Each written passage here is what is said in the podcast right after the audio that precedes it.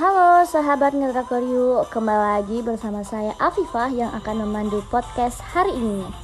Selamat hari minggu semuanya. Iya kita kembali lagi bersama podcast yang membahas drakor-drakor terbaru dan juga yang sedang hits saat ini. Kita bakal bahas untuk rekomendasi drama kali ini adalah drama True Beauty. Siapa sih yang gak tahu dengan drama yang satu ini?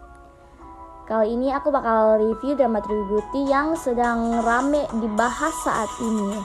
Jujur aku tuh bukan penggemar drama yang uh, genrenya itu romance banget gitu karena menurutku alurnya ini terlalu lambat dan juga cringe.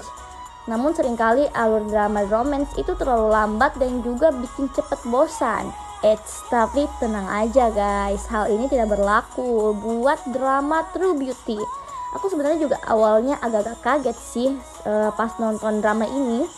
Karena kok bisa betah ya? Bukan gara-gara Cha Eunu atau Wang Inyap kebetulan aku tuh bukan fans mereka berdua jadi review ini nggak bersifat subjektif loh buat kalian. Kita bakal bahas hal-hal yang bikin betah nih buat aku nonton ini.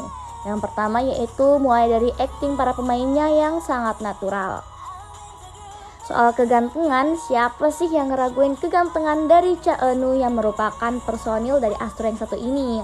Tapi aktingnya di True Beauty menurutku peningkatan banget deh dibandingkan sama uh, drama sebelumnya yaitu My ID Gangnam Beauty.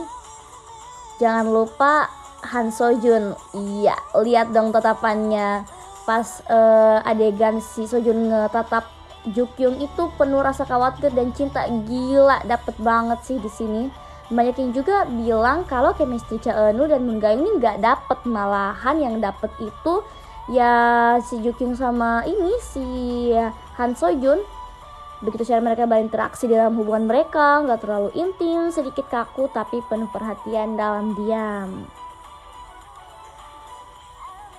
E, kedua yaitu banyak netizen nih yang memperdebatkan tentang kalian ini termasuk tim Sojun atau tim Suho uh, ibaratkan drama sebelumnya yaitu Reply 1988 drama ini bikin netizen itu uh, terbelah jadi dua yaitu tim Sojun atau tim Suho kalau aku sih tetap tim Suho ya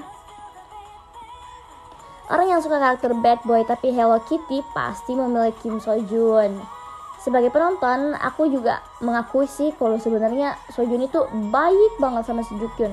Bahkan terlalu baik untuk sekedar jadi temannya si Jukyung mungkin masih belum takdir aja deh buat Han Sojun gimana enggak? Emang kalian pernah nemuin orang seganteng Han Sojun itu di real life temenan sama cewek yang gak good looking kayak Jokyung jangankan temenan? Baru lihat cewek kayak Jokyung aja pasti dia di bahan comohan nih di tongkrongannya.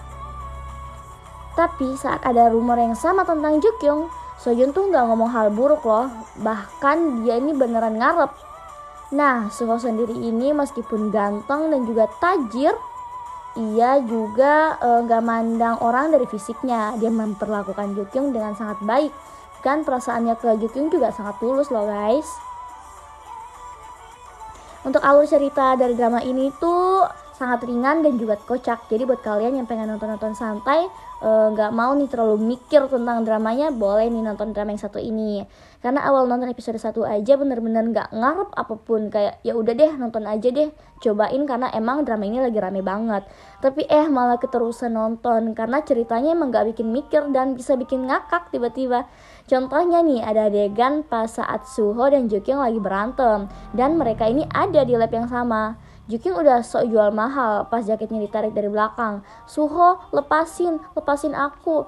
Nggak taunya cuma nyangkut ke pintu dan Suho tuh bengong ngeliatin dia asli dia receh banget. Dan juga sebenarnya ada beberapa adegan sih yang bikin mewek. Salah satu adegan yang paling menyakitkan buat ditonton yaitu saat Jo Kyung udah mulai mengenal dirinya sendiri dan ikut les make up. Dia tahu kalau dia itu sebenarnya passionnya dan satu-satunya yang bisa dia lakuin itu karena dia nggak minat kuliah. Tapi ibunya malah ngamuk dan ngerobek tanda pendaftarannya. Jo Kyung tuh sedih banget. Dia pun mengurung diri karena keluarganya ini nggak bisa mengerti apa yang sebenarnya dia maui dan dia butuhkan. Adegan lain yang bikin mewek yaitu saat Jukyung baru tahu Eh, maksudnya saat Mama Jukyung ini baru tahu kalau anaknya ini adalah korban bully. Bener-bener bikin hati ini sakit banget deh. dan Jukyung juga kuat ngadepin itu sendirian karena dia nggak berani bilang siapa pun.